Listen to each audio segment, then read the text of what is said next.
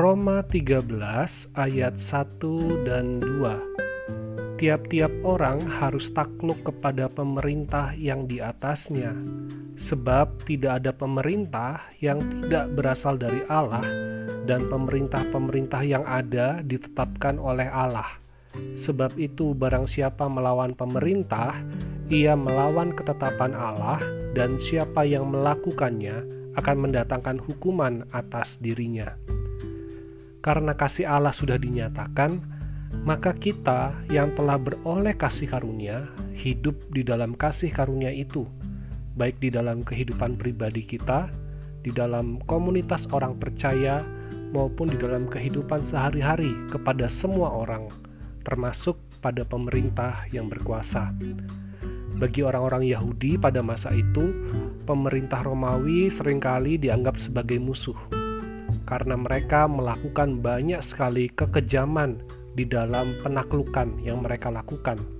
Bahkan karena tentara Romawi atau pasukan Romawi ini dianggap sebagai musuh, ada banyak kelompok-kelompok pemberontakan yang bermunculan.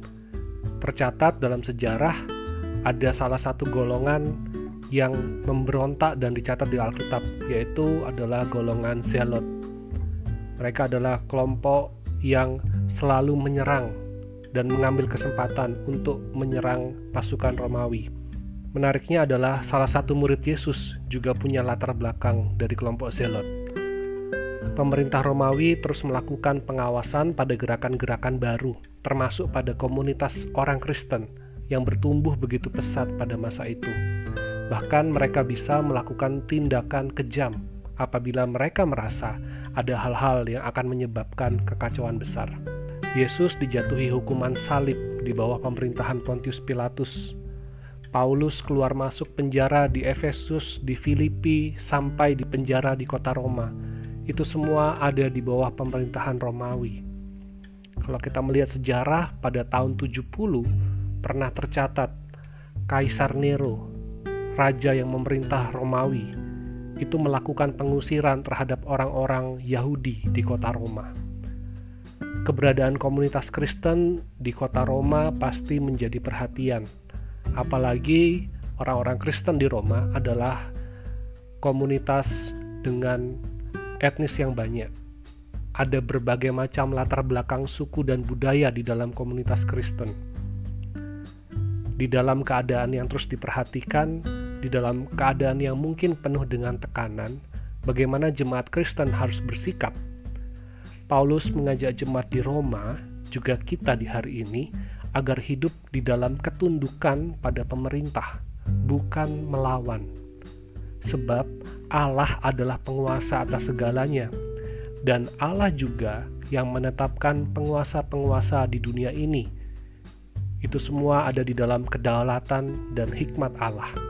Tidak ada yang lepas dari pengetahuan Allah. Allah mengetahui segala sesuatu ia punya rencana di dalam segala sesuatu. Oleh sebab itu, orang Kristen jangan menjadi musuh pemerintah, tetapi harus menghargai pemerintahan yang ada. Doakan para pemimpin yang berkuasa agar dapat menjalankan pemerintahan dengan takut akan Tuhan, dengan menyadari peran mereka, tanggung jawab mereka bagi banyak orang. Ini juga menjadi bagian bagi kita di hari ini. Mari kita menjadi warga negara yang baik Mari kita dukung kemajuan pemerintahan kita. Seperti yang Yesus katakan dalam Matius 22 ayat 21. Berikanlah kepada kaisar apa yang wajib kamu berikan kepada kaisar dan kepada Allah apa yang wajib kamu berikan kepada Allah. Biarlah kita sungguh-sungguh boleh menjalani kehidupan di dalam kasih karunia Allah. Mari kita kerjakan peran kita dengan penuh tanggung jawab di hadapan Tuhan dan di hadapan sesama karena itulah wujud kasih kita kepada Tuhan, wujud kasih karunia yang dapat kita pancarkan melalui kehidupan kita.